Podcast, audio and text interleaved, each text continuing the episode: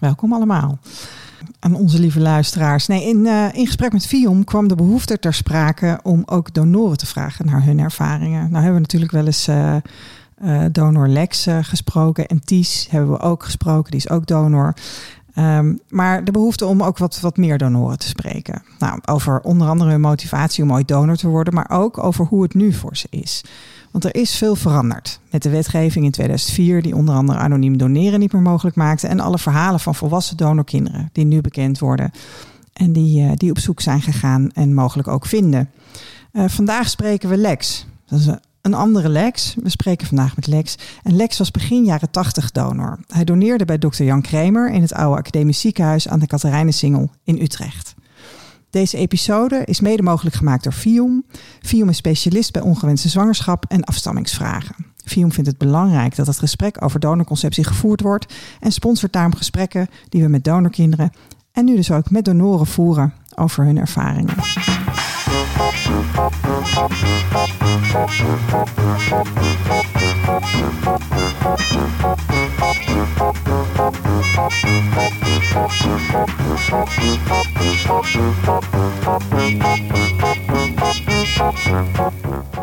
Welkom in de podcast, Lex. Dankjewel. En, en dank dat we bij jou mogen aanschuiven, want we zitten een keer niet vertrouwd in Nijmegen of in Hilversum, maar we zitten in Houten. Bij, met, het, uh, met het mooiste uitzicht uh, op, uh, op een bloesemtuin. Nou, prima studio toch? Ja, zeker. Fantastische studio. Als jullie er nog eens gebruik van kunnen maken, willen maken, dan uh, wees ja. welkom. Nou, dat is alvast een mooi aanbod. Um, dank dat we hier mogen zijn, Lex. En dank dat jij, uh, ja, dat jij met ons hierover in gesprek wil. Want jij was ooit anoniem donor. Ja, dat klopt. Dat kon niet anders hè, in die jaren.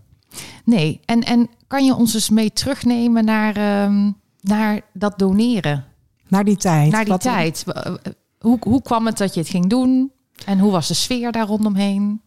Zullen we beginnen met gewoon even vragen van één klein stapje terug nog even van um, hoe zag jouw leven er toen uit toen jij ging doneren? Nou, het was begin jaren tachtig en ik ben, uh, ik heb geneeskunde gestudeerd uh, en daar ben ik mee begonnen in eind jaren 60. En in de tijd dat ik begon te doneren was ik wel of niet net afgestudeerd. Dus dat, dat hangt er een beetje om. Maar ik denk als ik, als ik me in mijn geheugen terugkijk en ik kijk naar de eerste donatiedatum of donatiejaar, dan denk ik dat ik al afgestudeerd was. Maar verder, ja, daar ben je basisarts. Ja. En um, ja, je komt regelmatig in het ziekenhuis. En ik denk dat ik daar een keer oppikte dat er een tekort was aan donoren.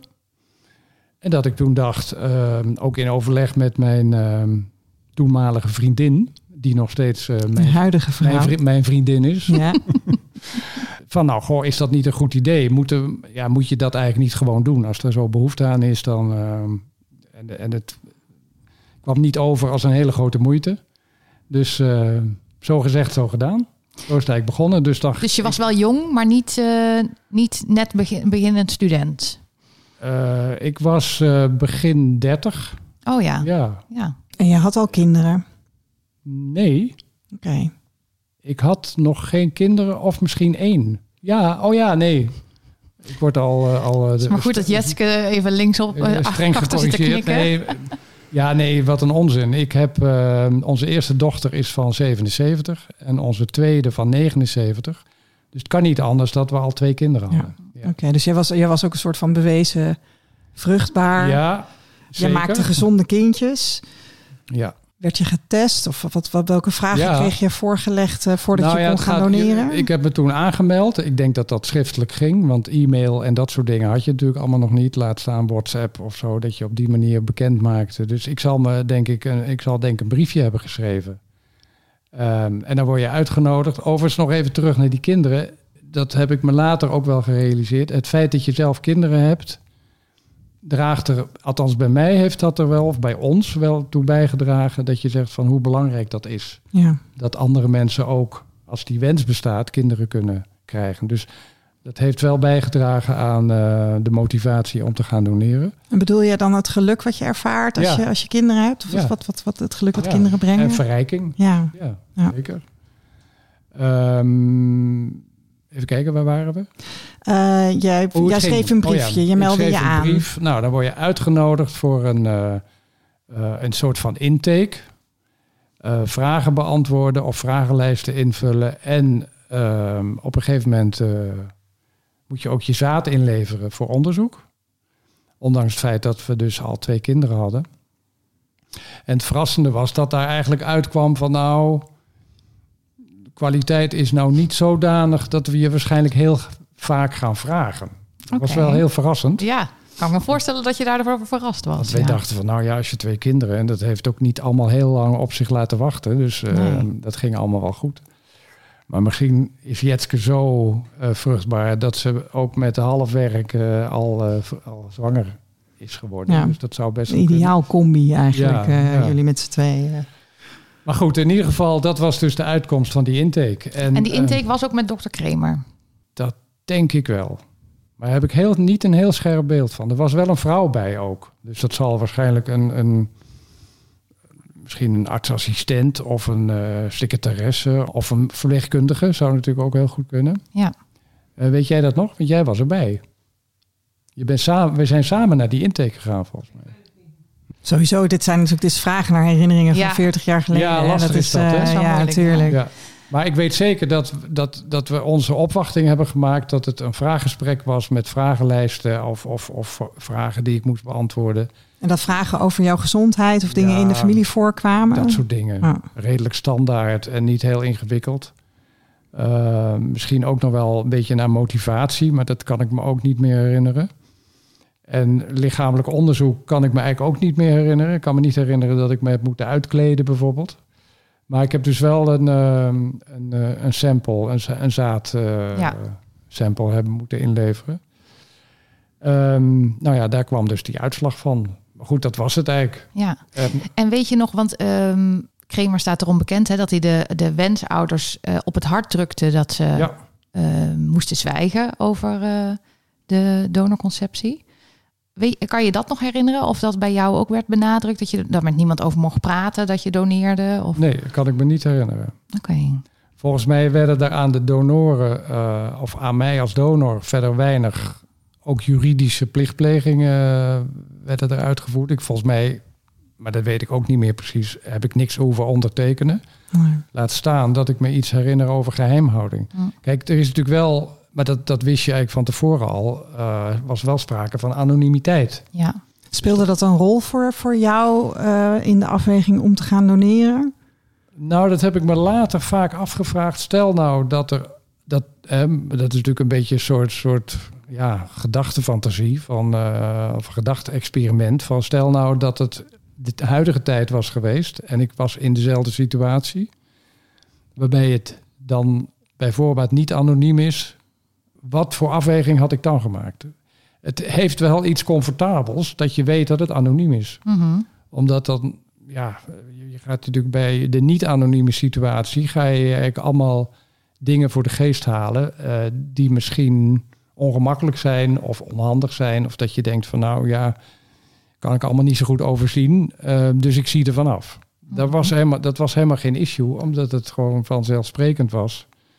Er waren ook wel een soort van overtuigende argumenten.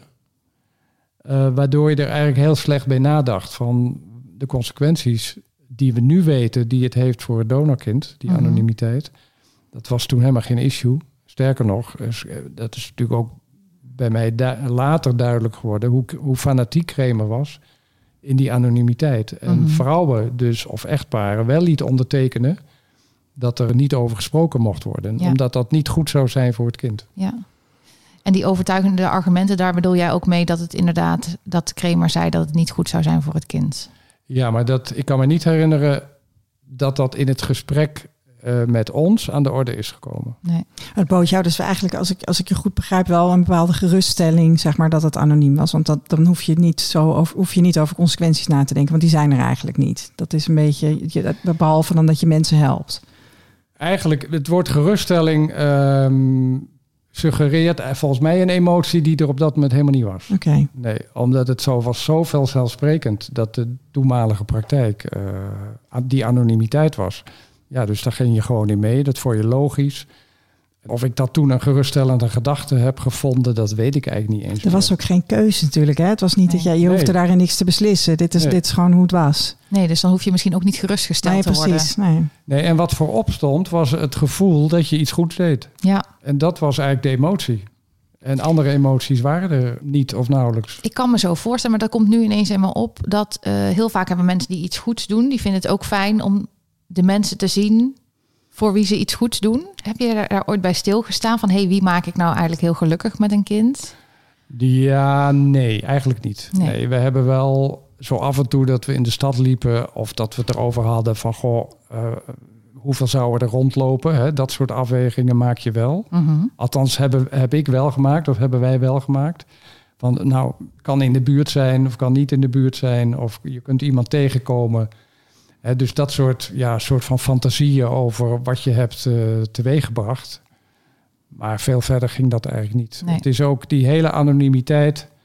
Ook nadat ik ermee gestopt was, is het ook letterlijk in de vergetelheid geraakt. Mijn hele donorschap. Afgezien van dan die paar momenten dat je tegen elkaar zegt van goh, zou er misschien iemand rondlopen. Maar Ja. ja, je ging er zo van uit dat dat nooit bekend zou worden. Eh, en dus ook geen enkele zin had om daar energie aan te besteden. Nee, snap ik goed. Dat ja. dat ehm, op de anonimiteit volgde eigenlijk de vergetelheid. Ja, Bij ons althans. Toen ik jou belde om je uit te nodigen voor dit gesprek, toen eh, gaf je aan van, joh, ik wil graag mijn, eh, mijn, mijn vrouw of je vriendin, of eh, ja, wil ik graag betrekken eh, bij het gesprek. Ehm, en je zei ook dat dit echt een gezamenlijke beslissing was om eh, te doneren. Ja, ja. Nou ja, dat, dat is wel, ik denk, interessant aan onze situatie. Dat zij er vanaf toen al bij was. Hè, dat, dat komt natuurlijk waarschijnlijk wel vaker voor, maar misschien ook wel even vaak niet. Of wel vaker niet. Dat is natuurlijk, daar zijn geen cijfers over bekend. Maar dat eh, ik aan Jetske merk dat het ook voor de partner van de donor belangrijk is, nu die kinderen opduiken, Ja, dat die eh, in het verhaal wordt meegenomen. Mhm. En dat, dat is ook de reden dat ze er in de studio nu ook aanwezig is. ja. ja en straks horen we er ook nog even. Ja, we hebben, we hebben afgesproken Ja. dat we haar eh, eh, aan het eind van het gesprek ook Ja. even aan tafel uitnodigen. Hè, om om, om eh, te horen hoe het Ja. voor haar is. En we horen het inderdaad wel vaker van de vrouw van. Hè, dat, dat het, het doet niet alleen iets met eh, de donorvader als de kinderen opduiken, maar het doet ook iets met misschien de gezinsstructuur of de vrouw van. Nou, zeker. Eh, en dat, ik denk dat het goed is om daarbij stil te staan. Ehm, ja, je kunt zeggen, het zijn mijn kinderen. Hoewel het niet bezittelijk is of zo. Maar het, ze komen wel bij mij vandaan, zou je kunnen zeggen. Eh, terwijl er ook kinderen zijn die van ons samen zijn. En dat, Mhm. dat, dat geeft een bepaalde eh, nou ja, breuk. Of, of, of breuk is misschien het goede woord niet. Maar het, het, het heeft wel impact op het gezin. Maar dus ook op de, op de, de vrouwdonor. zou ik Ja. En, en ik denk dat het des te meer eh, interessant is, omdat het destijds ook een gezamenlijke beslissing was. Dus dan kun je ook zeggen, met terugwerkende kracht aanvaard je dan ook de consequenties. Ook al had je geen idee toen Ja. dat dit de consequenties zou worden. Ja. Eh, wat is het, 30 jaar later? Of 40 jaar later. Dus dat, dat is wel eh, nou, is op zich wel interessant. Ja. Toch? Ja, ik, ik, ik, heb, ik heb wel vaker ook begrepen. Ik ben een van de donor detectives. Ik vind best wel Ja. vaak vaders. Ehm, ehm, dat eh, zeker in die begintijd, zeg maar, of in die vroege jaren van, van donorconceptie, eh, dat, dat donoren inderdaad gewoon dat, dat, dat het doneren, dat dat vaak gewoon een gezamenlijke beslissing was van echtparen. Ja. En dat daar dus niks stiekems omheen zit of zo. Weet je, er zijn uitzonderingen. Mm. Ehm, maar over het algemeen, als je, ja, werd er ook eh, graag gebruik gemaakt van mannen die al gezonde kinderen hadden. Hè? Want dat is een soort van eh, the proof of the pudding is in the eating. Ja, of, Ja, dat- of Kramer was heel erg voor eh, eh, studenten. Hè? ja. Ja, die was nogal eh, genetisch. Oh, eh, slimme mensen. Ja. Dat de verbetering ook van. eh, ja, nou ja, dat, dat wordt natuurlijk een beetje eng als Ja. je daarop over nadenkt. ja, Maar volgens mij paste dat wel in zijn straatje. ja. Daarom werd er ook bewust geworven onder geneeskundestudenten. En ging dat dan ook gepaard met complimenten, Lex? Dat ze zeiden, nou, eh, je hebt gewoon zo'n goede, ik zie een hele goede kaakstructuur bij jou. Nou, het gaat vooral, het Oh, je bent zo slim. En je bent zo hersenen. slim, ja, maar ja, Ja. het wil toch ook een aantrekkelijk, eh, Ja. Denk ik, hè? Dat mensen toch een aantrekkelijke Je hebt, je, partner je hebt toch wel je diploma gehaald, hè? Mogen we dat even zien? Ja, ja, ja. Ja, nee, dat, dat kan me niet erin. Nee, nee, nee. En, en even terug naar ehm, hoe de sfeer dan was. Want en we hebben dus gehoord van eh, ze vonden jouw zaad eh, niet eh, van topkwaliteit, maar je mocht toch komen genoeg. doneren. Ja, ja. En werd je dan opgeroepen? Of hoe ging dat? ja, gebeld. Want dat was natuurlijk het, makkelijke communicatiemiddel. Volgens mij ging het niet schriftelijk, maar ik werd volgens mij gebeld eh, van nou, eh, eh, we willen graag een beroep op je doen. En eh, kan het dan of dan? En dan werd er een datum genoemd. Nou, en dan keek ik in mijn agenda of ik kon. En dan zei ik ja. En dan werd er een tijd genoemd. En dan... ehm, Inmiddels was wel uitgelegd al hoe dan precies de logistieke procedure ging. Neem ons eens Eh, mee in die ik- logistieke ik- procedure. Nou ja, ik, ik had thuis een, eh, een, een, een koker van ongeveer eh 15 centimeter, waar een potje in paste. Dus dat materiaal had ik al meegekregen. Dat potje dat vulde je met zaad. Dat deed je thuis. En dan was de instructie om dat binnen een half uur... eh, dat moest je dan een beetje warm houden ook. Ik vraag me trouwens af of dat eh, per se moest. Want volgens mij eh, mag het ook wel een beetje afkoelen. Maar goed, ik, ik moest het warm houden, dus in je broekzak of in je jaszak of zo. En dan moest ik het binnen een half uur afleveren in het azuur. In een doorgeefluik. Dat was ergens in de gang. Ik weet nog precies, de hoofdingang en dan naar rechts en dan naar links. En er was een doorgeefluikje. Dat je van de gangkant kon openen. En daar eh, moest ik dan die koker met dat potje eh, inleggen. Dan lag ook weer een nieuwe koker klaar, die ik dan mee kon nemen. En er was een envelopje met 25 gulden. Oké, Ook niet eh, ook niet onbelangrijk. onbelangrijk voor een arme student. nee, dat is. Ehm, nou, dat was het eigenlijk. En Ja. dan... eh, Maar hoe eh, wisten ze dan dat het van jou was? Want eigenlijk kon elke persoon die dat wist, kon daar een kokertje... ja, als iemand zou weten dat ik op dat moment verwacht werd... dan zou hij natuurlijk vijf minuten van tevoren Ja, daar... ehm, ja, dat zou wel een raar ja dat is mijn rare brein Ja, hoor, die dit soort dingen bedenkt. Maar Volgens mij moet je daar een boek over schrijven. Er werd Ja, natuurlijk een, ehm, eh, een afspraak gemaakt met jou op het moment dat daar iemand Ja. een afspraak Ja, had dat- ook dat- om geïnsemineerd te worden. Nou ja, het grappige is dat je, dat je dus weet nu van... nu er een aantal kinderen zijn opgedoken, zijn, zijn, zijn gematcht... ja, dat je dan het met terugwerkende kracht realiseert van... hé, hey, haar moeder lag op dat moment, Ja. of zat, Ja. in de- in de wachtkamer Ja. eh, bij Kremer... om geïnsemineerd te worden. Maar jij zei voordat we begonnen dat het vaak s'avonds was. Ja, dus ik denk dat dat eh, de praktijk was. Ja, misschien ook omdat mensen overdag werken... of dat, Ja, dat hij misschien overdag andere dingen deed... en dat die kliniek Ja. eigenlijk vooral s'avonds uitoefende. Dat, dat weet ik niet precies. Maar ik kan mij... Ja, ik kan mij eigenlijk niet herinneren... heel concreet dat het bijvoorbeeld ook een keer 's ochtends vroeg was... of, of in de middag. Het zou best kunnen hoor. Misschien eind van de middag een keer. Kan ik wel nakijken in de agenda's. Want daar staat natuurlijk een tijdstip. ja. Oh ja, Ja. dat staat er ook nog bij. Ja. En, ehm, ja, en dan had je eh, het luikje geopend, Ja. koker gewisseld, envelopje Ja. meegenomen. En dan liep je weer naar buiten. Dan liep ik weer naar buiten en dan fietste ik weer naar huis. Oh ja, het was echt eh, afgeven en weer gaan. Ja. Hey, en die 25 eh, gulden, die ging gewoon in, in de huishoudpot? Ja. Of deed je daar iets Ja. bijzonders van? Nee, die ging in de huishoudpot. Oké, Ja. oké.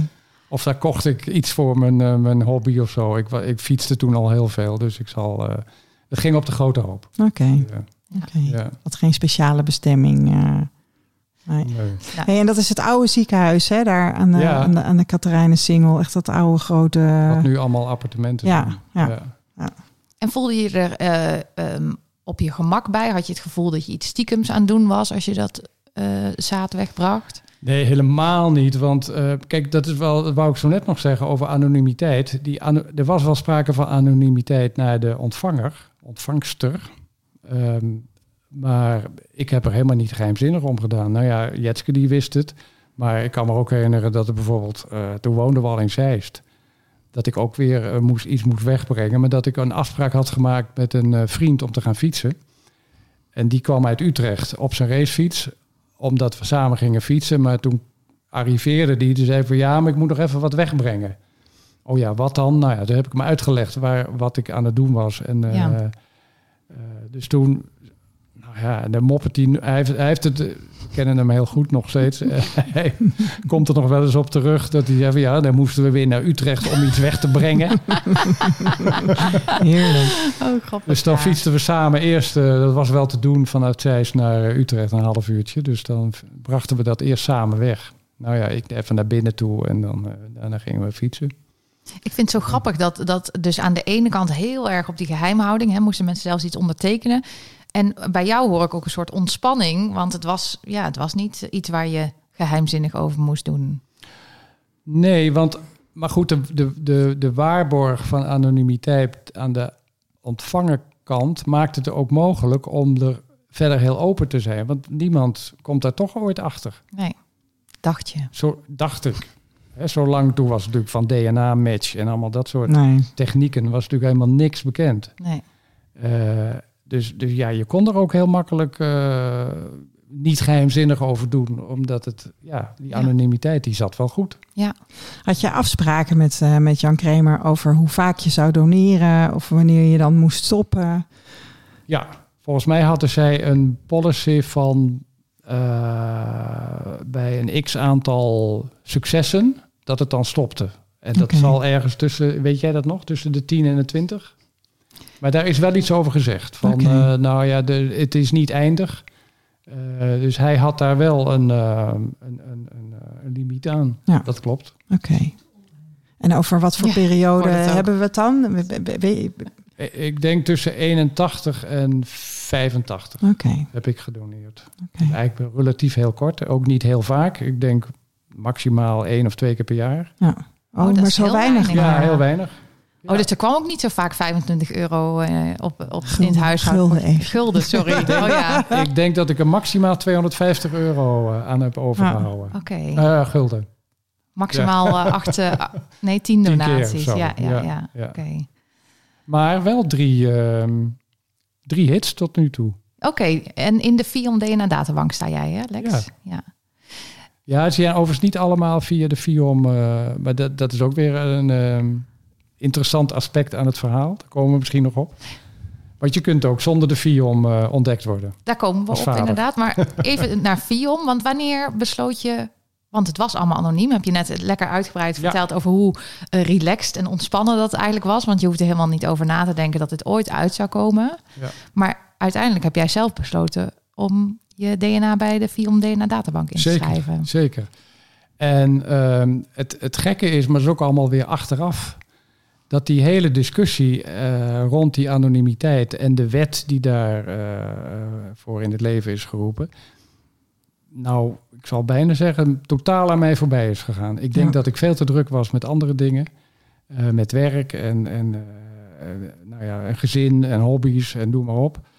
Terwijl ik best wel, en dat is eigenlijk wel wonderlijk, want ik volg eigenlijk ook me- medische dingen en dit soort eh, ethische dingen, volg ik eigenlijk best wel op de voet. Maar op de een of andere manier, in de tijd dat die, want die wet is van 2004, Vier. hè? Ja. En in de jaren negentig is de discussie zeg maar gekomen. Precies. En Ja. had je Ja. in Zweden dat het, eh, dat het niet meer anoniem mocht. En, Ja. eh, en het heeft nog best wel lang geduurd voordat die wet er zeg maar was. En achteraf kan ik mij niet herinneren dat dat een heel groot issue was in uh, Huizen Goudswaard, zou ik maar zeggen. Dat uh, van hé, hey, die anonimiteit en hoe zit het dan met jou en uh, nou ja, et cetera. Wat zou dat dan voor consequenties hebben? Overigens was dat natuurlijk ook nog niet zo gek, omdat toen ook het hele DNA-verhaal nog niet speelde. Nee. Dus het gemak waarmee je nu die matches kunt maken, dat, Ja. dat hè, dus die anonimiteit, daarmee kun je denk ik ook wel verklaren. Het had op dat moment geen consequenties voor de bestaande donoren, Nee. want je kon toch niet matchen. Dus Nee. het was meer iets voor de toekomst dan voor het verleden. Ja. Tot het moment dat dat DNA-verhaal eh, in beeld kwam. Nou, het zal een jaar, nu een jaar of drie, vier geleden zijn dat wij in de auto zaten. En dat er een ehm, programma smiddags was eh, op, op Radio 1 van een interview met een donorvader. En die donor vertelde, die, die begon te vertellen en er werden vragen gesteld. En wij keken elkaar zo aan van, hé, hey, dat gaat over mij. En die vertelde dus in dat interview dat hij, eh, nou ja, dat hij zijn eh, wangslijmvlies had ingeleverd in de, in de DNA-bank in Nijmegen. Want hij vond het belangrijk dat die kinderen eh, hun vader leerden kennen.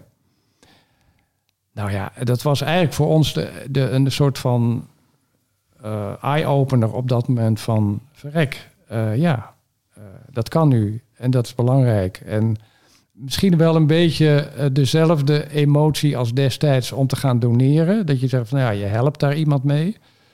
Die deed zich toen ook weer voor van hé, hey, zei ik, not done. Althans, dat, vind, dat vonden wij dan, of dat vond ik dan, not done om anoniem te blijven. Als je nu je realiseert hoe belangrijk het is om die vaders allemaal te kennen.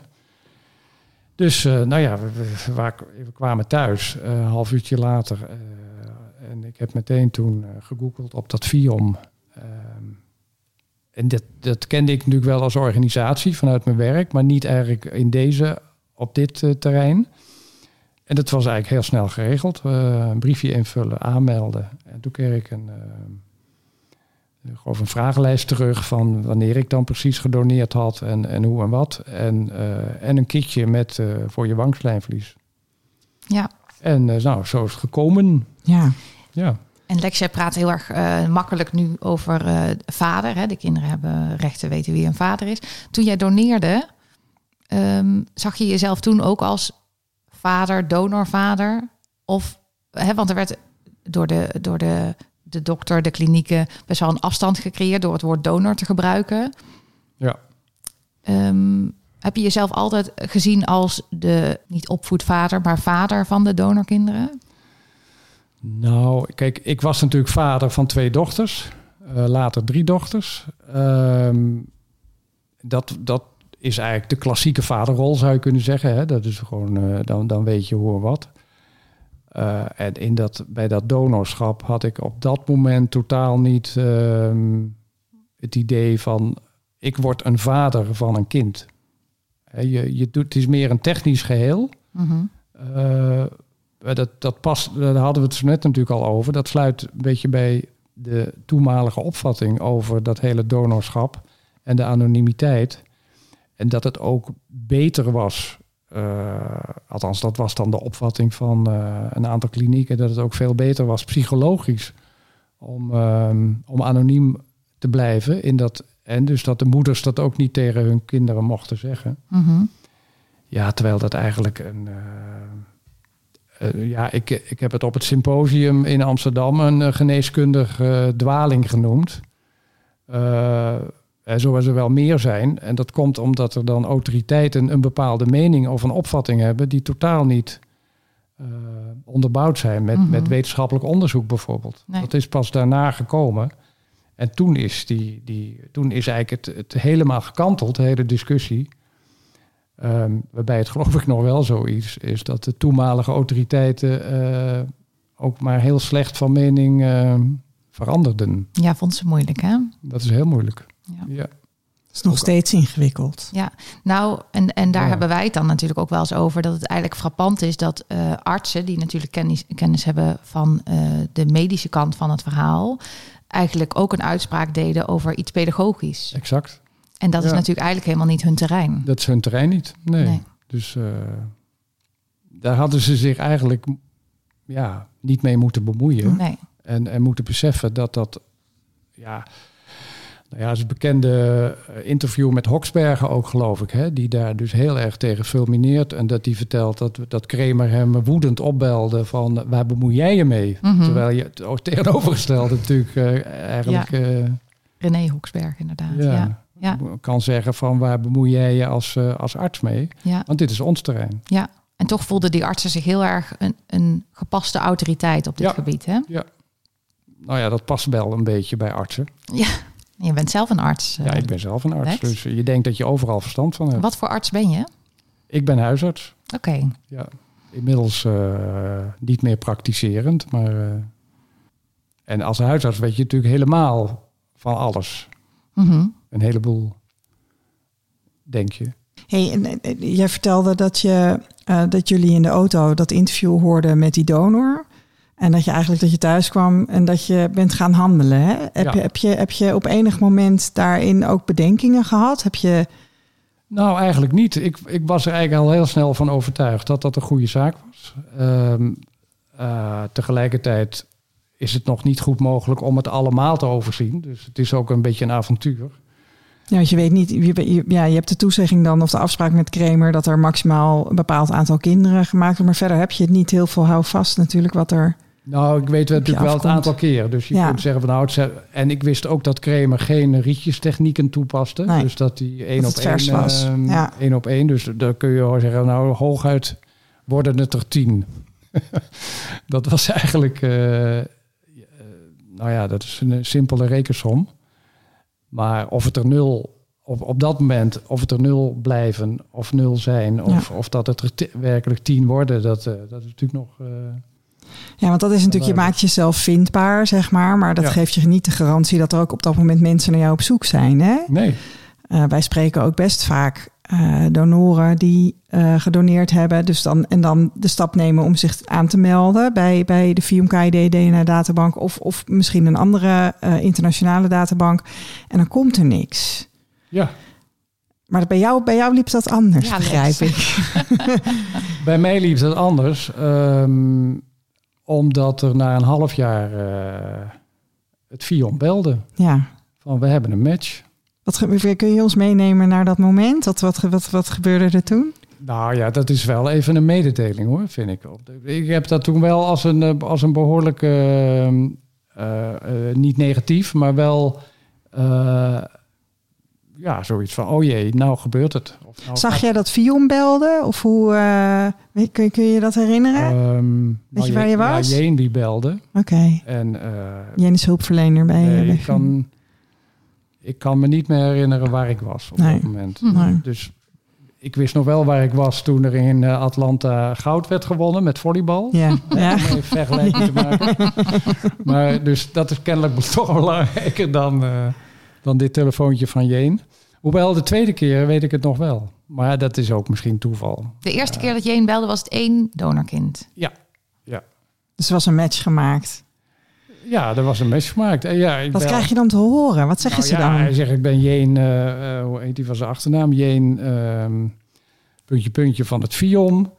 Ja, ik weet niet of hij meteen zei, we hebben een match. Want dat, dat kan me niet voorstellen dat je dat op die manier zegt. Want hij weet natuurlijk ook dat het dan voor mij eh, waarschijnlijk de eerste keer is. Dus even, nou ja, misschien een beetje een inleidend praatje van... eh, ik bel van het Vion en eh, ik ben van de, van de Kids DNA-bank. En, maar we hebben, een, ja, we hebben iets gevonden. En, nou, en het is een meisje. Oké, En ze heet Mirjam. kijk. En meer mag ik niet zeggen. Zoiets, nou ja, Ja. heel kort samengevat. Of meer zal ik nog niet zeggen, want we gaan eerst eh, kennis maken. En, eh, dus dan gaat er, en dan worden, eerst zijn wij samen naar hem toegegaan voor een uitleg Dus jullie zijn in Den Bosch, In Den Bosch. Oké, op Ja. kantoor geweest. op kantoor. En dan een gesprek met hem. Van nou, zus en zo, wat zijn je rechten en je plichten? En wat kan er allemaal gebeuren? En hoe moet je ermee omgaan? En heb je vragen? En gewoon eigenlijk een beetje een soort coaching en counseling van eh, hoe je erin staat. En, eh, en wat dan de volgende stap is. En dat je bij elke stap nog kan zeggen van nou, ik zie er vanaf. Dat kon op dat moment zelfs nog. Hè, dus het is eigenlijk wel... Het verplicht eigenlijk tot niks. Wat natuurlijk misschien vreemd is, want ja, je kan eigenlijk als je eenmaal dat je bekend maakt dan via zo'n DNA-bank, dan doe je dat eigenlijk niet om dan vervolgens weer in de anonimiteit te verdwijnen. Dus dat zou, komt misschien wel voor dat iemand schrik, zo'n donorvader, schrik op het hart slaat en denkt van, nou ja, eh, wat heb ik gedaan en eh, Ja, zie je- er toch maar vanaf. Zo- nou ja, het, kan, het, kan, het kan natuurlijk wel kan, altijd gebeuren dat er op dat moment in je leven iets gebeurt. Eh, een van je kinderen is ziek. Of eh, weet je, dat, dat Ja. het op dat moment niet uitkomt. dat je het er niet Daar bij kan hebben. Ja, Ja. Dat, daar kan ik me nog iets van voorstellen. Maar inderdaad, wat jij zegt, is je, mensen zijn wel ook geneigd om zich consequent te gedragen, toch? Dus als je dan die beslissing hebt genomen om in die databank Ja. te gaan, ja, dan ga je ook die, naar dat gesprek met je heen en dan doe je ook de Precies, ontmoeting. Ja. Precies, ja. Nou, dat is, zo is het ook gegaan. Dus toen hebben we de ontmoeting gedaan. Zijn we ook met z'n tweeën naartoe gegaan. En eh, daar was Mirjam met haar partner. En ik verdween met Mirjam in een kamertje. En Jetske verdween met die partner in een Ja. kamertje. Jullie kregen even wat privacy met z'n tweeën. Ja. Ja. En eh, Wat gebeurt er dan met jou? Want dan ontmoet je dus. nou, weet je, je, het is onvermijdelijk dat je, dat je van tevoren... eh, ehm, toch wel probeert een voorstelling te maken hoe ze eruit ziet. Want dat, Mhm. is, dat is natuurlijk, eh, ja, ik denk dat dat heel logisch is, want dat heb je ook bij je eigen kinderen. Hoe zien ze eruit? Ja. Nou is dat natuurlijk in het begin heel anders dan als ze eenmaal 30 zijn. Maar bij haar is ze dan ineens 30, weet Ja, je. Dat is geen ja. baby. Nee, Dus, eh, dus dat- ja, dat is wel. Dus je gaat ook meteen op zoek naar eh, verschillen en gelijkenissen met je eigen kinderen. Ehm, zij had ook foto's bij zich als, van als kind. En ik had, dat was wel ook de instructie, geloof ik, om foto's mee te nemen. Ehm, dus ja, het is ook foto's.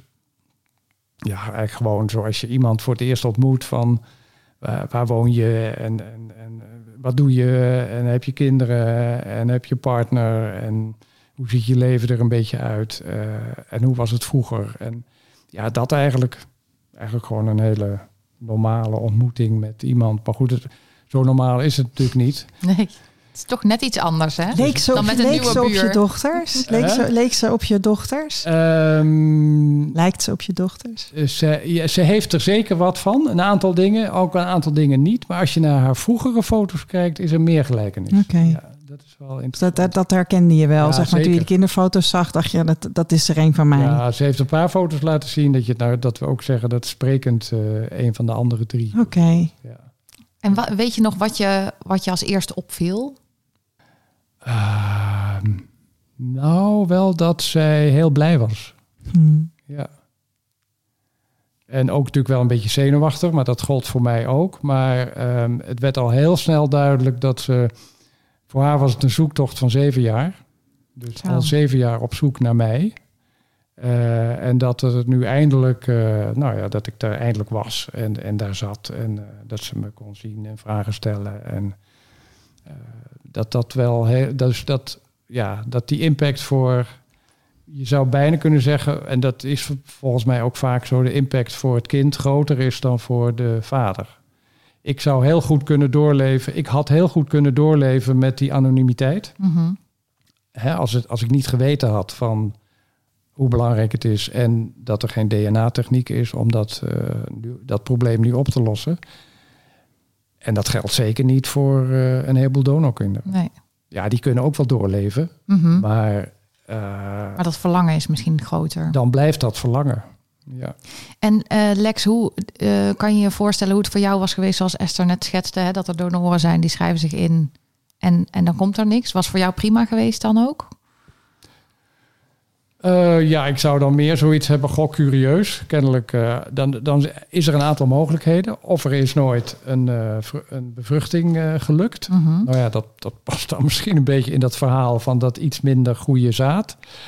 Ehm, of er is nog geen donor of geen kind dat zich gemeld heeft. Mhm.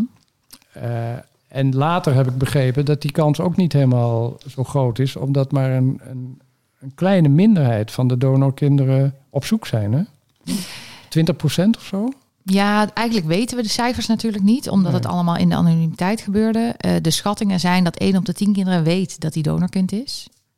Hè? Zo weinig. Dus als jij 10 Ja. donorkinderen zou hebben, dan zou statistisch gezien misschien als die schattingen kloppen, één op, van die 10 het weten. Ja, die andere 10, eh, die de andere 9 kunnen ook niet op zoek natuurlijk. Als Nee, en, en van die tien is het de vraag inderdaad van hoeveel gaan er dan uiteindelijk op zoek? Ja, Wat je ziet is dat, dat- bij veel mensen wel op enig moment in hun leven die behoefte ontstaat. En dat kan variëren van dat je een kind krijgt en dan ineens ziet van, oh, ik, hè, dat, dat, dat, dat je ervaart, wat op een andere manier ervaart wat er Ja. ontbreekt in je eigen leven.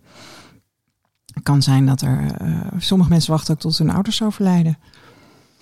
Uit loyaliteit. Ja, nou dat, dat is ook wel wat eh, bij mij aan de hand is geweest, bij de donorkinderen. Dus er is er altijd een soort trigger, bedoel je eigenlijk te zeggen. En die trigger kan natuurlijk heel divers zijn.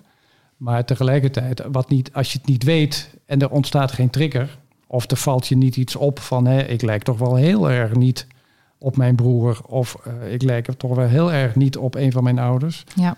Eh, en als dat je aan het denken zet en misschien leidt tot eh, een zoektocht. Als dat allemaal niet gebeurt, dan, ja, dan weet je het ook niet. Nee. Dus ehm, kennelijk is, het, is die anonimiteit toch wel behoorlijk bij een grote groep gehandhaafd gebleven. Gelukt eigenlijk, Gelukt, kan je zeggen. ja. Ja, Ja. ja. Nou ja, daar kun je ook van afvragen. eh, je kunt niet weten wat je niet weet. Dus dan. Nee. En je hebt er, dan kun je, ook, daar kun je er ook geen last van hebben. Nee, en dat kan. En er zijn inderdaad ook Nou, donorkinderen die. Dat is de vraag, hè?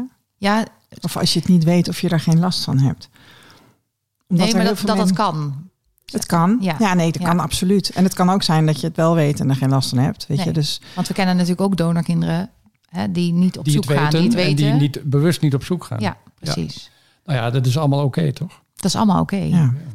Zeker. Dus er zijn een heleboel smaken. Nou, dat, dat is in ieder geval één ding wat zeker is. Ja. Ja. Jij hebt, je hebt dus, de, de- het begon met, met, met, met Mirjam. Ja.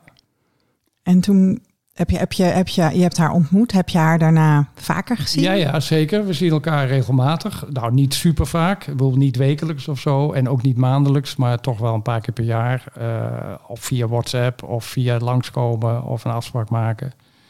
Of verjaardagen. Dus eh, altijd wel van die aanleidingen om eh, elkaar weer even te spreken of te zien. En heeft ze jouw gezin ontmoet? Ja, ja. Ook jouw kinderen? Ik vind het heel mooi dat jij ja, ja zegt zo van Ja, natuurlijk. Nou, toen zij opdook, zou ik maar zeggen. Toen, toen ja, natuurlijk uh, overigens Want hoe oud was Mirjam toen ze jou vond? Ze had zeven jaar gezocht. Uh, Mirjam is van uh, oh, al die jaartallen uh, 85. Oh ja. En volgens mij Een van jouw laatste donaties is dat geweest. Ja, sterker nog, waarschijnlijk de laatste. Oh, echt? Ja. Mooie finale. Ja. Mooie finale. Die vindt het eerste. Zeker. En de grap is dat dat nummer de, degene van de eerste donatie zich ook heeft gemeld. Althans, dat is nog wel even een apart verhaal. Maar komen we misschien straks nog op. Uh, nummer drie, zou ik maar zeggen. Ja. Okay. Dus ze komen eigenlijk in omgekeerde volgorde. Okay. Oh, van, van, van achter naar voren. Of van voor ja, naar achter. ja, van meest recent naar... Uh... Precies. Uh, maar nee, maar ik heb toen... Kijk, mijn kinderen wisten ook wel sowieso dat ik donor was geweest. Uh, dus daar hebben we ook, ook aan die kant nooit geheimzinnig gedaan. Volgens mij wisten ze ook dat ik op een gegeven moment mij bekend heb gemaakt via die DNA-dingen. Ja, dus dan is het ook logisch om te melden van... hé, hey, we hebben een Mirjam. Mm -hmm. En nou ja, daar is, is tot, uh, tot heel enthousiast, tot wat neutraler op gereageerd door de goede gemeente. Mm -hmm. En er is ook een, een, een, een, een kinderdag geweest. Hebben ze georganiseerd, dus zonder mij. Van, zijn ze een keer bij elkaar geweest. Leuk. En er is volgens mij ook regelmatig Facebook contact. En we hebben, wij hebben altijd traditioneel een familieweekend. Uh, in, een, in, een, in ons vakantiehuis in Zeeland. Dat doen we zowel voor mijn familie een weekend in een jaar als voor Jetskes familie. En afgelopen jaar zijn ze, ja, dus vorig jaar, zijn ze voor het eerst ook op dat familieweekend geweest. Allebei. Degene die nu bekend zijn. Ja. Want vertel eens, Mirjam heb je ontmoet en toen daarna kwam? Uh, Milo. Okay. Een zoon. Een zoon. Ja, dus dat was ook wel weer verrassend. Ja, en, uh, dat, dat, kan jij dus. Ik kan het ook. Ja, dat ja. kan ik dus ook. Ja. Zoveel talent, hè? Ja. ja. Uh, dat was vorig jaar. Even kijken. Ja. Oh, dat is nog niet eens zo lang geleden. Daar weet ik nog wel wat ik, wat ik was. Want ik was toen in Zeeland uh, was ik aan het klussen. En daar heb ik ook een tijdje gewoond in verband met dat klussen. En toen kwam op een gegeven moment uh, het telefoontje ook weer van Jeen van uh, we hebben een match. En dat was dus Milo. Ja. En die woont, heel dicht, oh, woont ook heel dichtbij. Die woont nog dichterbij dan uh, Mirjam woont in Gorkum. En Milo woont in IJsselstein. Dus, uh, nou ja. En toen is er weer een ontmoeting gearrangeerd door, ja. door Fion. Ja, die is toen een week later... Uh, die wist ook niet hoe snel die... oh nee, nee, um, correctie. Uh, hier zat het Fiom helemaal niet tussen. Oh, oh. Hier zat Amerika tussen. Oh, de DNA Milo was met Mirjam gematcht in een exact. internationale DNA-databank. Ja, want dat verhaal over Mirjam, dat is ook nog niet helemaal rond. Want uh, wat ik om te vertellen, zij, uh, een van de dingen, een van de eerste dingen die zij tegen mij zei bij die ontmoeting bij het Fiom, van um, ik had je toch al bijna gevonden. Aha. Want zij had niet alleen, zat niet alleen maar al zeven jaar in die uh, DNA-bank van in Nijmegen, maar zij had inmiddels zich ook gemeld bij een van die twee banken in Amerika. Hoe heet het ook weer? Zijn er inmiddels meer, maar je hebt ja. Family Tree DNA, je hebt MyHeritage, je My hebt Heritage. Ancestry. Ja, MyHeritage. En daar was een match met een nicht van mij die in Amerika woont. Kijk, Ah. Dat, die hebben we graag. Ja. Dat maakt het een stuk eenvoudiger. Ja, en dat was Ja. een, een zodanige match dat dat zeker familie van mij zou moeten zijn. Dus zij was ook inmiddels eh, in contact met haar. Die woont al heel lang in Amerika. Sterker nog, die is daar geboren. Want eh, dat is een broer van mijn moeder. Die met zijn Friese vrouw eh, naar Amerika is geëmigreerd. In de jaren vlak, vlak na de oorlog, denk Ja. ik. Ja, toen is er zo'n golf geweest. Nou, of eh. misschien al eerder. Ja, nou ja, in ieder geval. eh, en die woont in Californië. En die had ook haar eh, DNA ingeleverd. Veel Amerikanen doen dat voor de lol. Als je geëmigreerde familie hebt, zeg Precies. maar, aan donorskant, dan Ja, ja. maar dat maakt het zoeken echt een stuk eenvoudiger. Ja, Want mensen, heel veel mensen testen daar voor de lol. ja. Nou ja, en die matchte dus met Mirjam. Ja. Dus Mirjam was met haar al aan het eh, e-mailen. Ja, Van nou, eh, ja, ik ben Mirjam en ik match met jou. En ik ben een donorkind, et cetera, et cetera. Dus die was met haar al bezig een soort van stamboom in te vullen. Maar ik was nog niet in beeld. Het was nog niet helder. Maar ze waren er eigenlijk bijna, want als het de broer Ja. van jouw moeder was, Precies. dit is heel dichtbij natuurlijk. Dus dat was wel, en Utrecht en de jaren tachtig. Ja. En dan, dan was dat denk ik wel duidelijk geworden dat, dat ik, dat de zoon van App, want dat is dan mijn moeder, Mhm. Hè, dus de, de, de zus van die geëmigreerde broer, dat die eh, dan, de, de, of één van de zonen van App, Oh, jouw Ja. moeder heeft meerdere zonen. Ja, ja, die heeft drie zonen. dan moet je altijd even, dochter. even gaan vragen wie studeerde er in Utrecht. Nou ja, dat, dat is grappig. Dat is, een andere broer heeft ook geneeskunde gestudeerd in Utrecht. Dus Ook die- gedoneerd?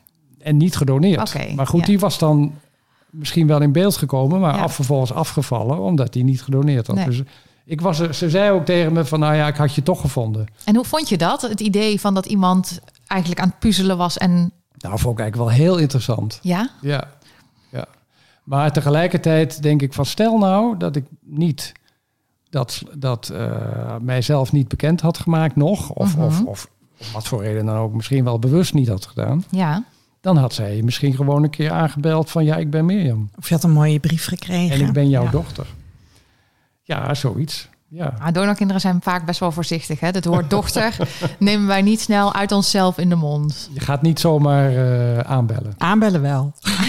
Dat ligt eraan. Nee, maar dat hangt er vanaf. wel. Dat Als je hangt er eet, je eet vanaf. niet. We hebben, eh, eh, ik help mensen hè, met, met op Ja, deze ja. manier zoeken. En ehm, op het moment dat ze op het punt komen om eh, eh, dat, dat we gaan vinden, zeg maar, dan eh, adviseer ik altijd om een brief te schrijven. En die brief die is sowieso om je gedachten te ordenen, niet per se om te versturen. Ehm, ik adviseer altijd om, als we vinden, om op de manier contact te maken die je zelf het prettigst vindt. Ja. We hebben een vriendinnetje die heet Anne, die maakte een handgeschreven brief. En die kreeg ook een keurig een handgeschreven brief terug. Ehm, ik heb hier twee jongens geholpen. En die, die vertelde ik van, nou ja, het lijkt erop dat dit hem is.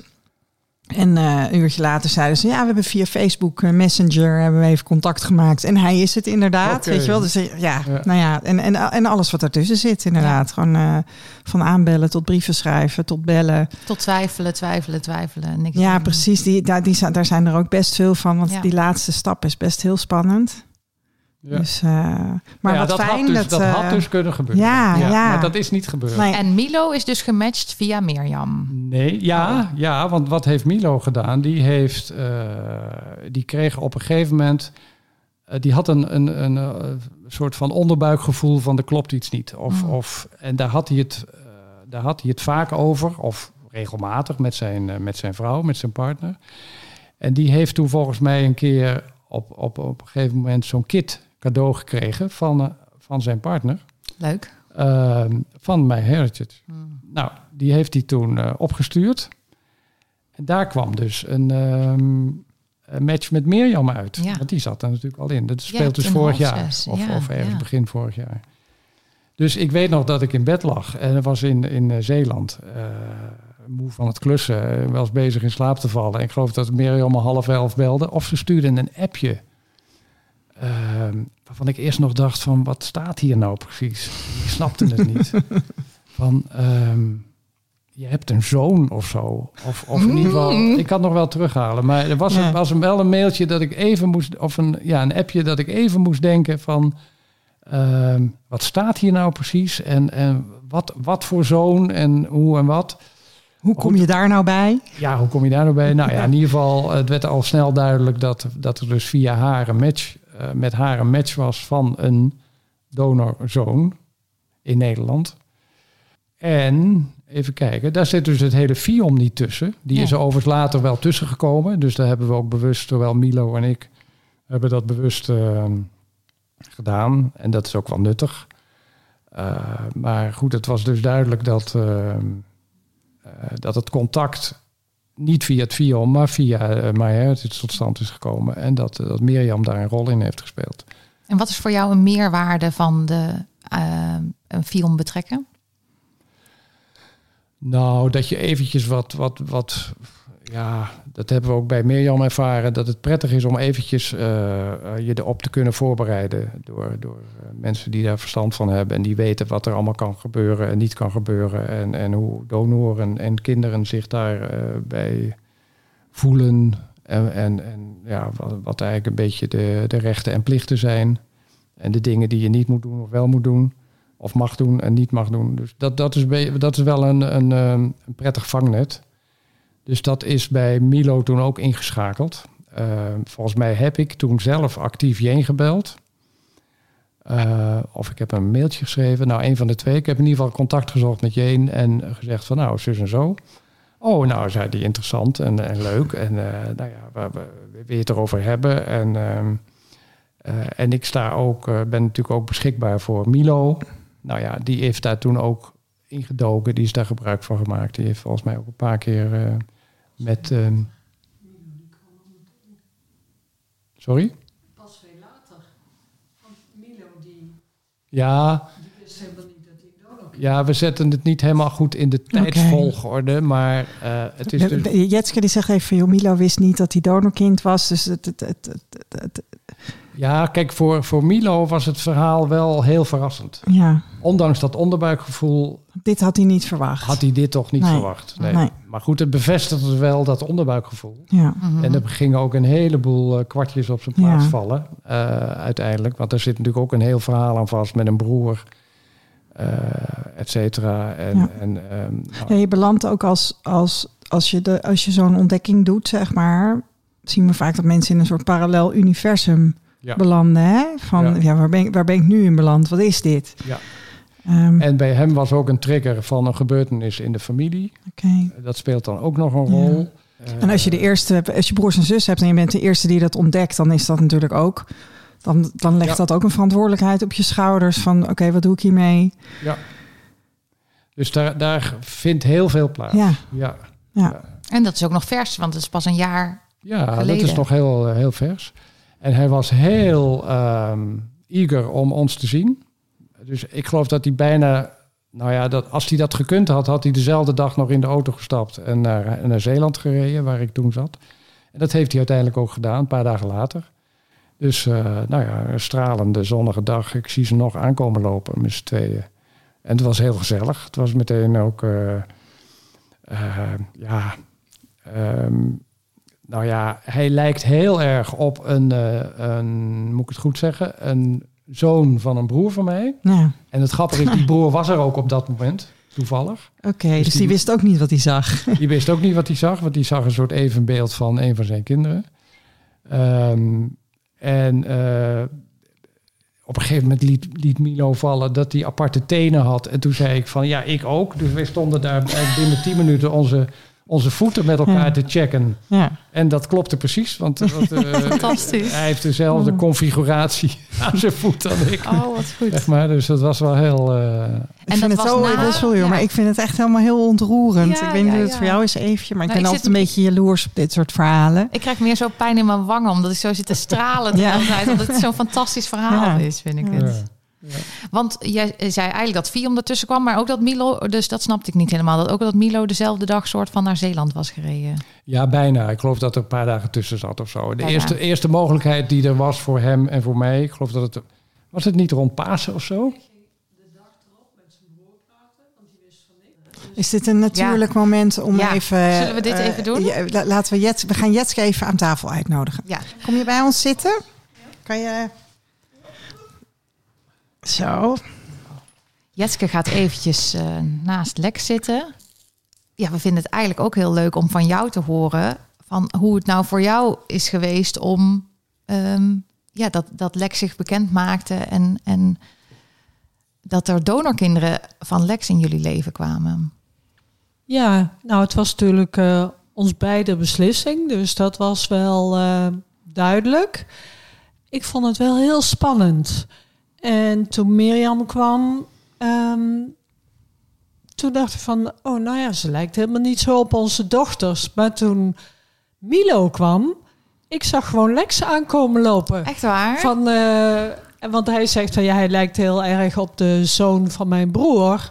Maar ik vind dat hij heel erg op Lex lijkt. Ja, Hij heeft een iets andere mond, maar verder zijn hele gezicht en alles. En de manier waarop hij is.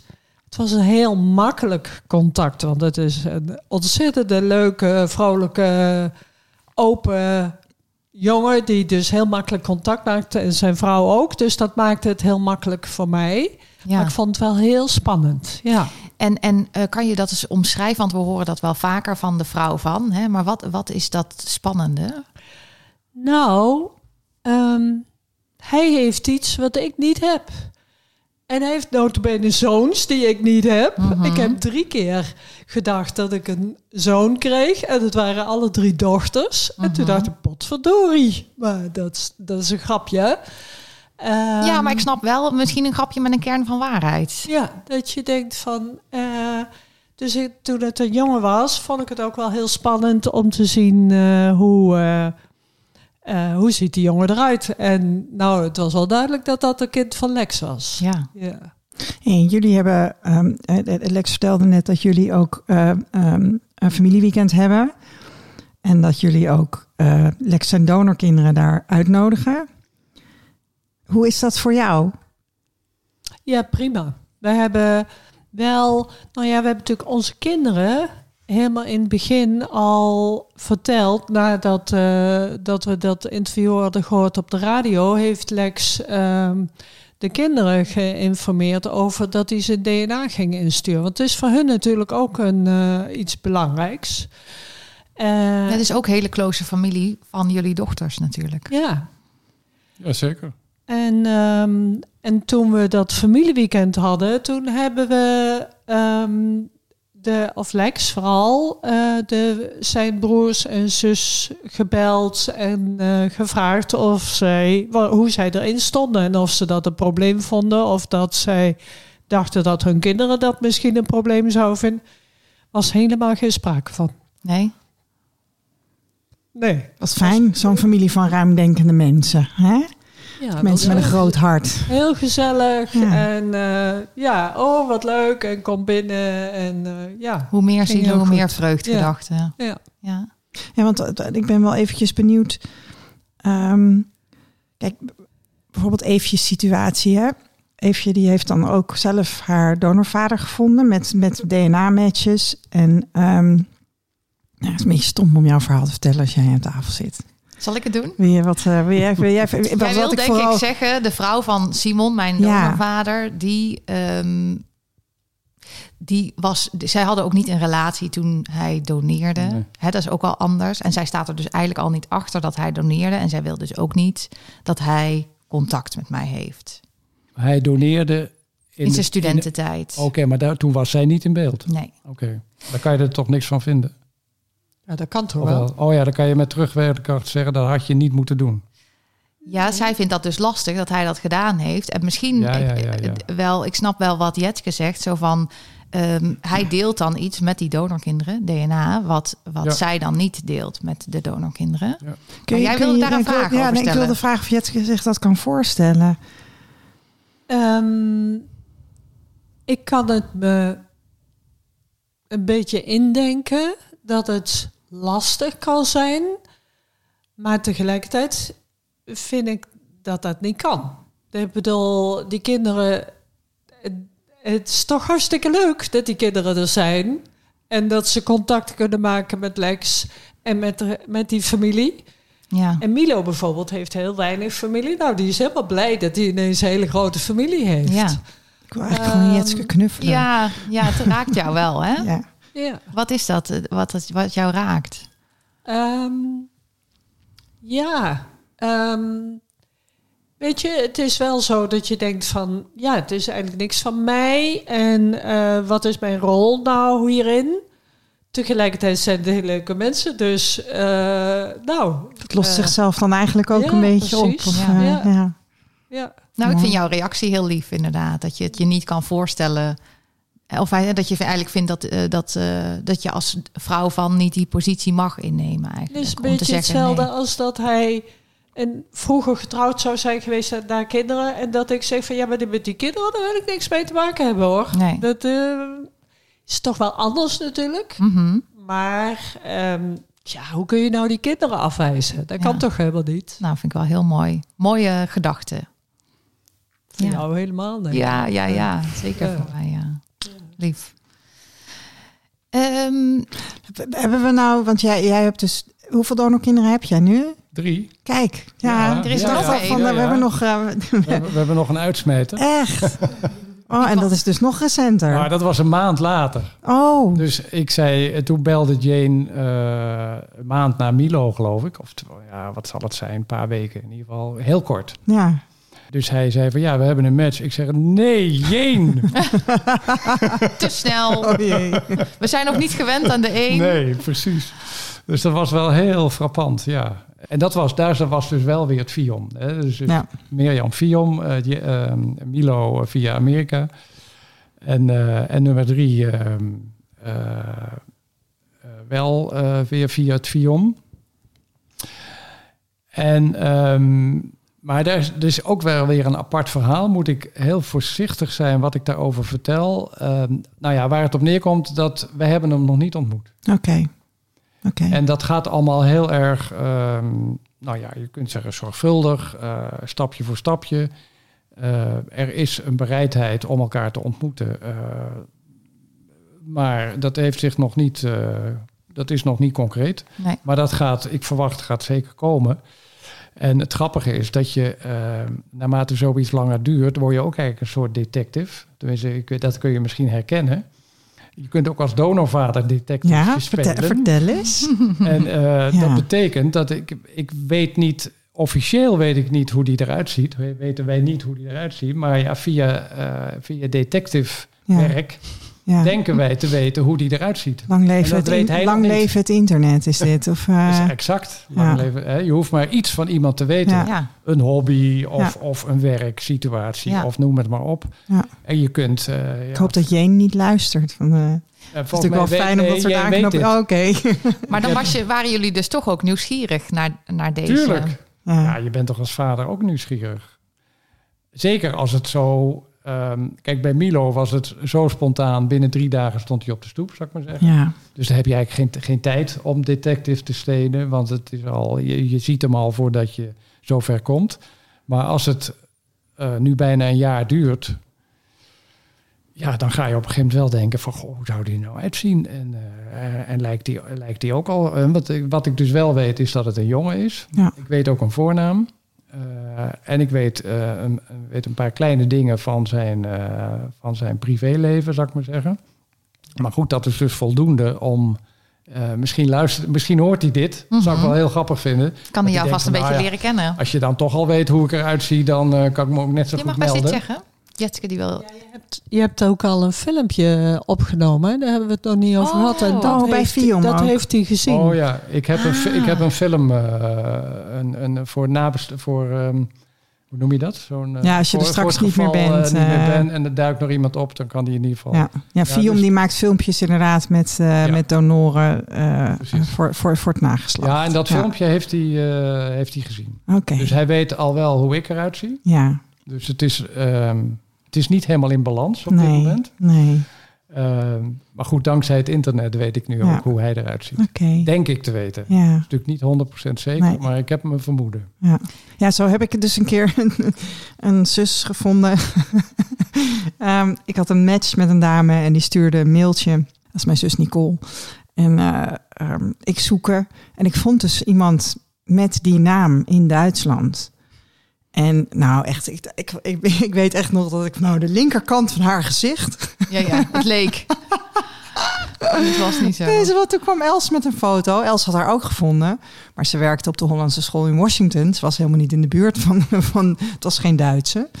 Ehm, maar goed, je kunt je, om maar even aan te geven, je kan je inderdaad ook vergissen. Ja, Je kan- kunt je, her- als, je, als je op zoek bent, kun je je herkennen in mensen waar je dus uiteindelijk Ja. waarschijnlijk niks mee deelt. Maar, Ja. Maar ik kan me je nieuwsgierigheid wel voorstellen. Ja. Dit heeft wat tijd nodig. Ja, dit heeft tijd, no- kennelijk Ja. tijd nodig. En Ja. eh, de- op zich vind ik dat ook oké. Ja, je, ook, je krijgt natuurlijk allerlei fantasieën van waarom duurt het zo lang. Ja. Maar ja, daar moet je niet te veel eh, bij stilstaan. Ik denk dat het... eh, Het gaat sowieso niet over jou, hè? Dat, Het is dat, dat, dat, dat is proces. precies. Het is ook niet aan mij om dat tempo te bepalen. Dat, daar kun je natuurlijk wel van alles van vinden. Ja. En het is een beetje van, ja, ik heb al een, ik heb al een vingerkootje, nou wil je ook de hele hand. Maar ja, dat, die komt wel een keer, Ja. die hand, denk Ja. ik. Ja. Of niet. Nou ja, en dat is ook, eh, dat, dat zou ik wel apart vinden, denk ik, uiteindelijk. Maar iemand kan zo zijn overwegingen hebben. Ja. Dat, eh, Ja. dat is oké. Nou, je weet niet wat er in iemands leven speelt. Nee, precies. Maar, Nee. En met de kennis van nu, aan jullie allebei ben ik, wil ik dit wel vragen van... hoe kijken jullie terug op het doneren van toen? Ehm, ja, die vraag werd ook in dat forum gesteld, kan ik me nog herinneren. Van, eh, goh, zou je het weer doen? Of, of hoe kijk je erop terug? Ehm, ja, je was bij een eh, bijeenkomst van FIOM, hè? Met, eh, in de Openbare Bibliotheek in Amsterdam was Ja, dat. De gelegenheid van de expositie die ze daar hadden van Ja. Schaduwfamilie. Schaduwfamilie, ja. En er was een forum waarin ook, waar ik, ik als donorvader en er waren een paar donorkinderen. En dus, de, de- dus ja, er werden mij ook allerlei vragen gesteld, eigenlijk, hè, waar we het nu ook over hebben. Onder andere ook van hoe kijk je erop terug en zou je het weer doen? En nou ja, daar heb ik al een beetje iets over gezegd, denk ik. Dat op het moment dat ik ermee begon in de jaren tachtig, ja, A, je bent zelf natuurlijk nog hartstikke jong. Eh, ik had wel twee kinderen. En dat, dat, wat ik al zei, dat speelt wel een rol bij de motivatie. Om, eh, eh, althans, bij mij heeft dat een rol gespeeld. Om, eh, omdat je dan realiseert van hoe eh, verrijkend dat, eh, dat is. Ehm, maar kijk, je kunt eigenlijk... Ik, ik denk, eh, met alles wat ik nu weet, zou ik het weer doen. Maar dan doe je het ook weer op dezelfde manier. Dan begin je anoniem. En dan later wordt het, na 30 jaar, dat weet je dan op dat moment natuurlijk niet. Maar stel, stel dat je dat wel zou weten, dat is natuurlijk ook een soort raar gedachte-experiment. Maar eh, dan zou ik het denk ik ook weer doen. Ja. Ja. En als je als het als bekende donor? Ehm, op dit moment of, la, of vroeger? Met de nu- wetenschap van nu. Met de wetenschap Ja. van nu. Ja, ik denk het wel. Ja. Ja. Want nu zijn er bijvoorbeeld ook mensen die eh, een donorkind krijgen. Ehm, en, en in Nederland, stel je hebt een Nederlandse donor, hè, dan mag het kind vanaf 16 contactgegevens krijgen. Of niet eens contactgegevens, naam en, eh, en geboortedatum, woonplaats. Eh, maar er zijn ook moeders die merken dat hun kind behoefte heeft al eh, om te weten van, hè, van wie de donorvader is. En die dus zelf ook via DNA en stamboomonderzoek op zoek gaan. Ja. Dus anoniem, ja, dat bestaat eigenlijk niet meer echt natuurlijk. Nee. Maar kijk, je moet natuurlijk ook kijken naar je naar leeftijd. Ik vind wel dat er. Ja. Dat is, die vraag stel ik me hardop af. Moet iemand van 60 eh, eh, donorvader willen zijn van een vrouw van 30? Mhm. Goeie vraag. Heb ik geen, niet direct een antwoord op, maar Volgens mij is er sowieso nu een leeftijdsgrens. oké. Omdat eh, we nu weten dat oudere vaders vaker kindertjes met autisme spectrumstoornis verwekken en zo. Dus er, er zit wel volgens mij nu een, een, een, een, een grens aan. Ja, dat vind ik wel heel reëel, afgezien van het medische. Ja. En, en, en de erfelijkheid zit er natuurlijk ook iets van. ehm, ja, kijk, nou is 60 tegenwoordig het nieuwe 50. Misschien zou 60 nog net kunnen. Maar er, ligt, er moet niet een te groot gat zitten. Kijk, in de, in, de, in de dagelijkse werkelijkheid is dat er soms ook.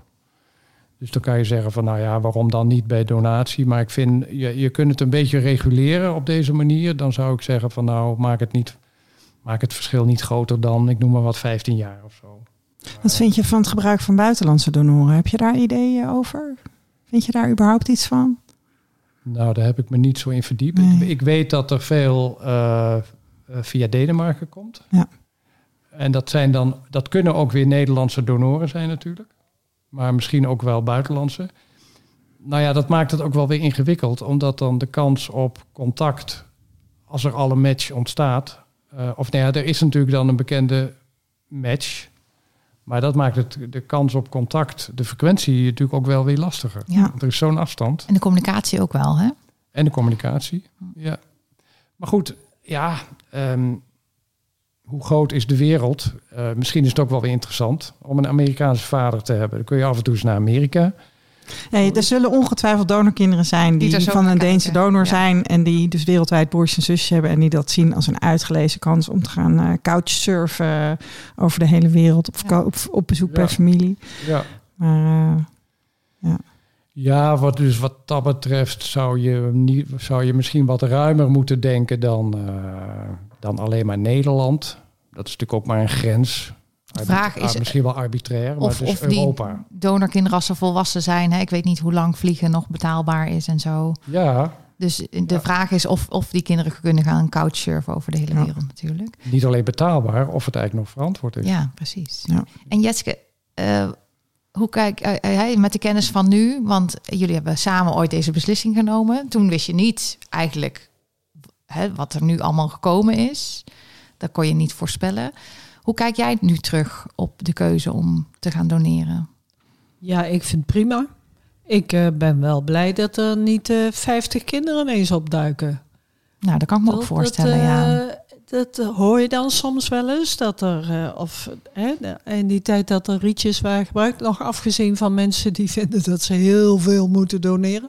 Maar eh, dat er dus een mogelijkheid is dat er 20, 30 kinderen opduiken. Mhm. Dat zou ik wel lastig vinden. Ja. Ik, eh, want ik vind het, ja, ze worden echt opgenomen in de familie. Ja, Niet heel intensief contact, maar als het er ineens heel veel zijn, dan wordt het ineens een hele, dan krijg je een heel ander soort relatie. Dan, eh, dan kan dat eigenlijk niet, hè? Met, met dat intense contact. Of intense contact, zo intens is nou ook weer niet. Nee. Maar uitnodigen op de familiedag.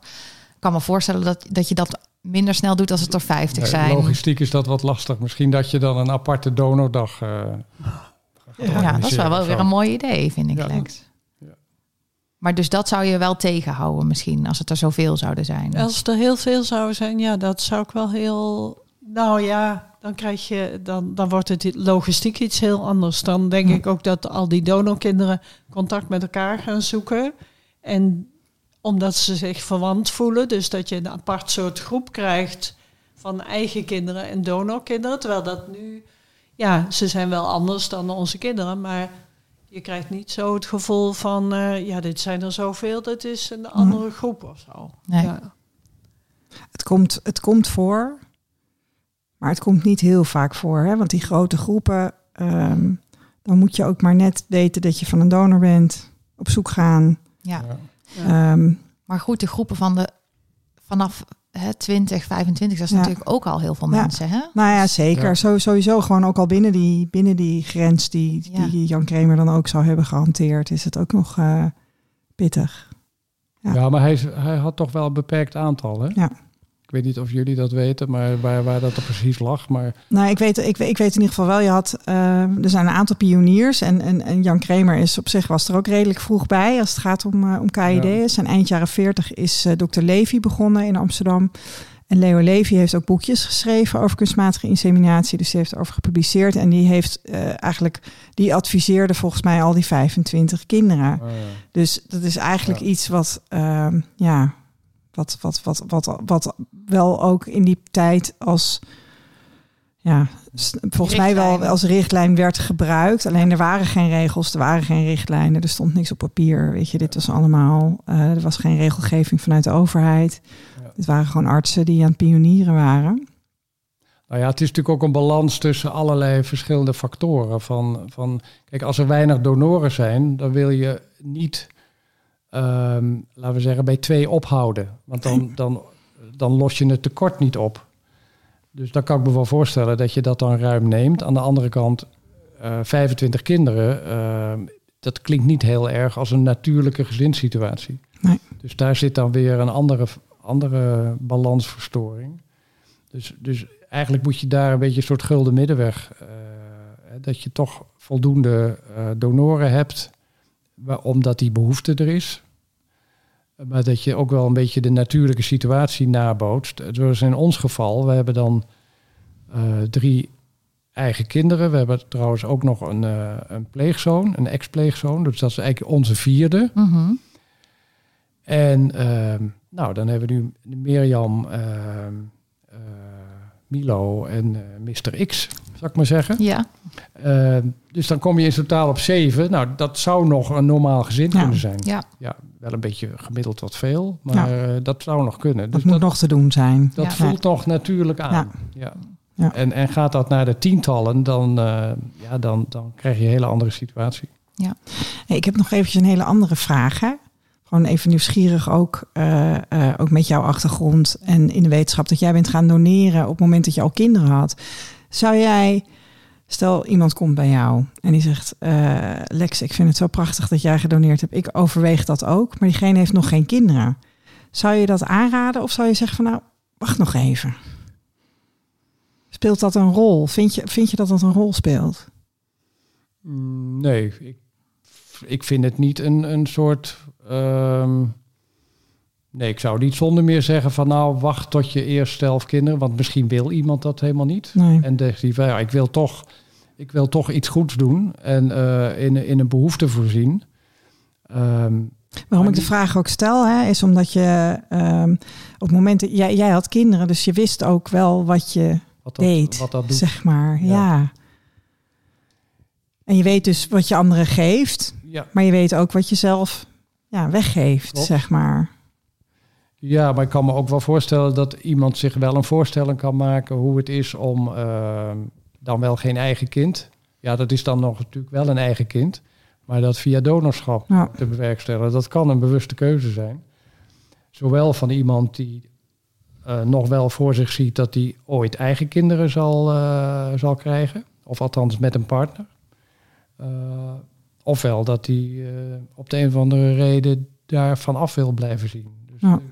Voor jou geen voorwaarden, geen nee, vereisten. Nee, vind ik niet. Nee, nee. Vind jij wel? Ja, ik, ik, er was van de week, was er, we hebben een, eh, een appgroep met een aantal mensen die betrokken zijn bij donorconceptie. Daar zitten twee moeders in eh, met donorkinderen. Daar zitten we wat mensen van FIUM zitten erin, eh, wat mensen van Stichting Donorkind. En er was een kinderarts. En die was op Twitter dingen aan het zeggen over donorconceptie en over het vervallen van de leeftijdsgrenzen. En die was eigenlijk was hij daarop tegen dat die leeftijdsgrenzen zouden vervallen. Nou zijn we vanuit Stichting Donorkind, en dan spreek ik even als bestuurslid van Stichting Donorkind, zijn we voor het laten vervallen van die Ja, ja. leeftijdsgrenzen. We, het liefst groei je gewoon op met allebei je ouders, allebei je biologische ouders in beeld. Ja. En dat je daar dan nog vaders en moeders bij hebt, dat is helemaal, helemaal geen enkel probleem. Maar dat je je spiegelt aan, eh, eh, aan de juiste mensen. Maar goed, deze, deze man was dus kinderarts en die vond. eh, eh, nou ja, die was, die was daar niet per se voor dat die leeftijdsgrenzen zouden vervallen. Ehm, en in de discussie daar gebeurde iets. En zei hij van, hij vond dus ook dat jonge donoren beschermd moesten worden. Die moesten dus beschermd worden tegen hun kroost. Daar komt het even op neer. Ehm, En wat is En een toen jonge dacht ik, donor? nou ja, ja dat, weet je, die vraag heb ik niet gesteld. Maar ik kan me dus voorstellen dat hij, dat hij, dat de- dat hij duidt op, op, op studenten die mogelijk eh, doneren. En dan redelijk vroeg in hun leven ook al geconfronteerd worden met hun nazaten. Ja. Nou ja, goed, weet je, de, de, ehm, ik, ik zou het heel fijn vinden als een kinderarts sowieso het belang van het kind voorop zou stellen. Maar eh, ik weet Ja. niet of hij dat in dit geval nou helemaal deed. Misschien niet onlogisch. dat nee, precies. Nou ja, als je met je kind naar de kinderarts moet, dan eh, doe, doe mij er dan maar een die, eh, die in het belang van het kind handelt. Ja. Dus ik, eh, vandaar, dat- vandaar mijn vraag, want ik merkte dat ik daar toen, ja, dat zette me aan het denken. Ja. Want ja, als je die jonge donoren daar niet mee lastig zou kunnen vallen, toen mijn reactie was van ja, moet je ze dan wel laten doneren, weet je wel? Want het, het- het- ja, er komen natuurlijk gewoon kindertjes uit. Ja. Dat is, dat is nou eenmaal En- gegeven. Misschien ook kindertjes met afstammingsvragen. Ja, precies. Niet, eh, niet, niet per definitie altijd vanaf jonge leeftijd zo, maar goed. Nee. Ik wil eigenlijk naar een afronding. Ja.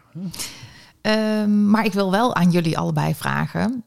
Of er nog dingen zijn waarvan jullie dachten, ja, maar dat vind ik wel belangrijk dat het aan bod komt in het gesprek. En dat is eventueel nog niet besproken. Dus Nou, volgens mij, eh, als ik het zo... Lex kijkt even naar Jetske. eh, volgens mij hebben wij het meeste wel eh, wat er allemaal gebeurd is verteld. In geuren en kleuren en eh, soms Ja, heb je mooi gedaan, in sowieso. details. En, ehm, Ja. Dus ja, ik, ik zou zo 1, 2, 3 niet weten wat, eh, wat we gemist hebben. En Jetske? Ja, ik vind het ook wel fijn dat ik ook erbij betrokken ben. Want ik merkte toen bij dat symposium, het gaat heel erg over de donors en over de kinderen. Mhm. Maar wat het voor de partner betekent, eh, dat, dat kwam eigenlijk toen helemaal niet aan bod. Alsof ik, en toen had ik een beetje het gevoel van ja, alsof ik ineens niet meer belangrijk ben of zo. En het is toch al iets wat van hem is. Mhm. Dat Voelde je een beetje buitengesloten? een- Ja, vond ik toen een beetje raar. Ja. Het klopt hoor. Het gaat inderdaad gewoon eigenlijk nooit over de partners van Nee. de donoren. Nee, maar ik vind het ook wel mooi dat jij vertelt Ja. wat dat met jou doet, inderdaad. Ja, want het heeft best een impact. Eh, hoe spannend het, ik het vond toen die kinderen kwamen. Ja. En hoe leuk het is als het leuke kinderen zijn. Mhm. En natuurlijk zijn het leuke kinderen, want het zijn jouw kinderen, toch? Ik bedoel dat, dat en dan kijk ik nu even naar Lex. Het zijn natuurlijk toch de kinderen van je man. Van de Ja. man van wie je houdt, ja. Ja. Ja, dat is. Maar ja, voor hetzelfde geld ehm, eh, zijn het kinderen met pro- die problemen hebben en, van al, en eh, met allerlei rugzakken binnenkomen zetten of zo. Dat is wel grappig. Die angst hoor ik vaker, ja. Het, is, Ja. het, is, het blijft spannend totdat je ze ziet. ja. Ja. Dat je denkt Ja. van, oh ja, leuk. En Wat doet het met ons gezin misschien toch ook, of niet, Jetske? Ja, hoe vinden onze kinderen het? Hoe vind ik het? Maar hoe vinden onze kinderen het? En geeft dat gedoe? Ja. Nou, en ik hoor ook dat er een moment is dat jij je enigszins buitengesloten voelde. Dus misschien speelt die angst ook wel van... hé, hey, er is dadelijk iets waar ik misschien niet bij hoor. Of heb ik dat verkeerd? Mm, ja, nou, daar hoef ik bij Lex niet zo bang voor te zijn. Gelukkig maar. Fijn. Nee, want die betrekt jou er ook bij. Hè? Ja. Dat was ook bij Ja. dit, de voorbereiding van dit gesprek zo. Ja. Oké, dus jij zegt eigenlijk... eh, heb ook aandacht voor de rol van de, de partner van. ja, en laat de donor ook eh, aandacht hebben voor de rol van de partner. Mhm. Bedoel, dat, Lex doet dat, maar dat zal niet altijd eh, zo zijn. En dan loop je de kans dat het iets wordt van een van de twee, waardoor het een soort van iets raars wordt binnen een eh, relatie. En dat Ja. is natuurlijk het laatste wat je wil.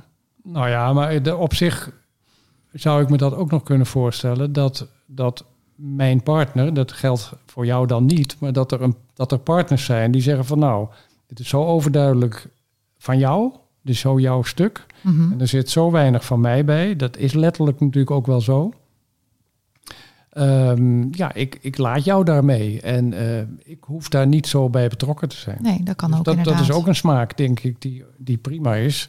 Maar dan Nee. heb je als partner wel dus de keus om Precies. al of niet aan te haken. dat Van ik doe met jou om het mee. over te hebben van hoe wil je, er, Ja. wil je erin meegenomen worden? Hoe Ja. wil je erin staan? Doen we Ja. dit samen of zal ik, dit, eh, zal ik deze even Exact. zelf doen? Ja. ja. ja.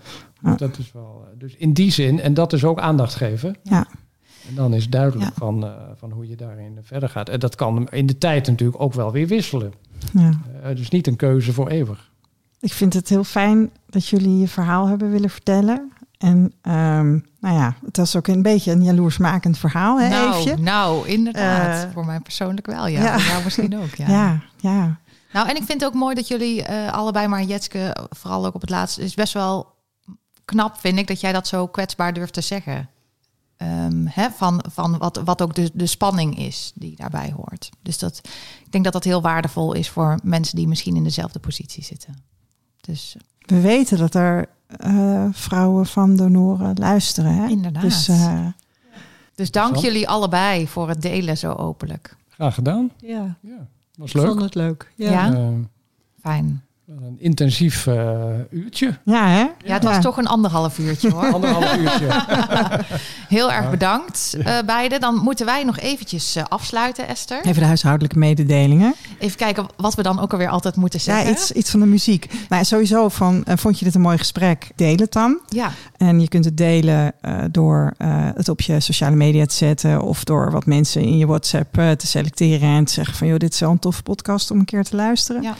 Ehm, mocht je ons willen steunen, dan kun je vriend worden van de show. via www.kwak... Nee. Vriendvandeshow.nl Vriendvandeshow.nl slash de streepje kwak streepje kwaakt. Yes, dat is hem. Je kunt ons mailen. Dekwakkwaakt.gmail.com Vinden we ook heel leuk. Reacties vinden we altijd leuk. Rate ons ook in je podcast-app. Lekker veel sterretjes. Veel sterren. Dan kunnen andere mensen ons ook vinden. En de muziek is van Shane Ivers, Hate Speak Easy. En vind je op www.silvermansound.com. Tot de volgende. Tot de volgende.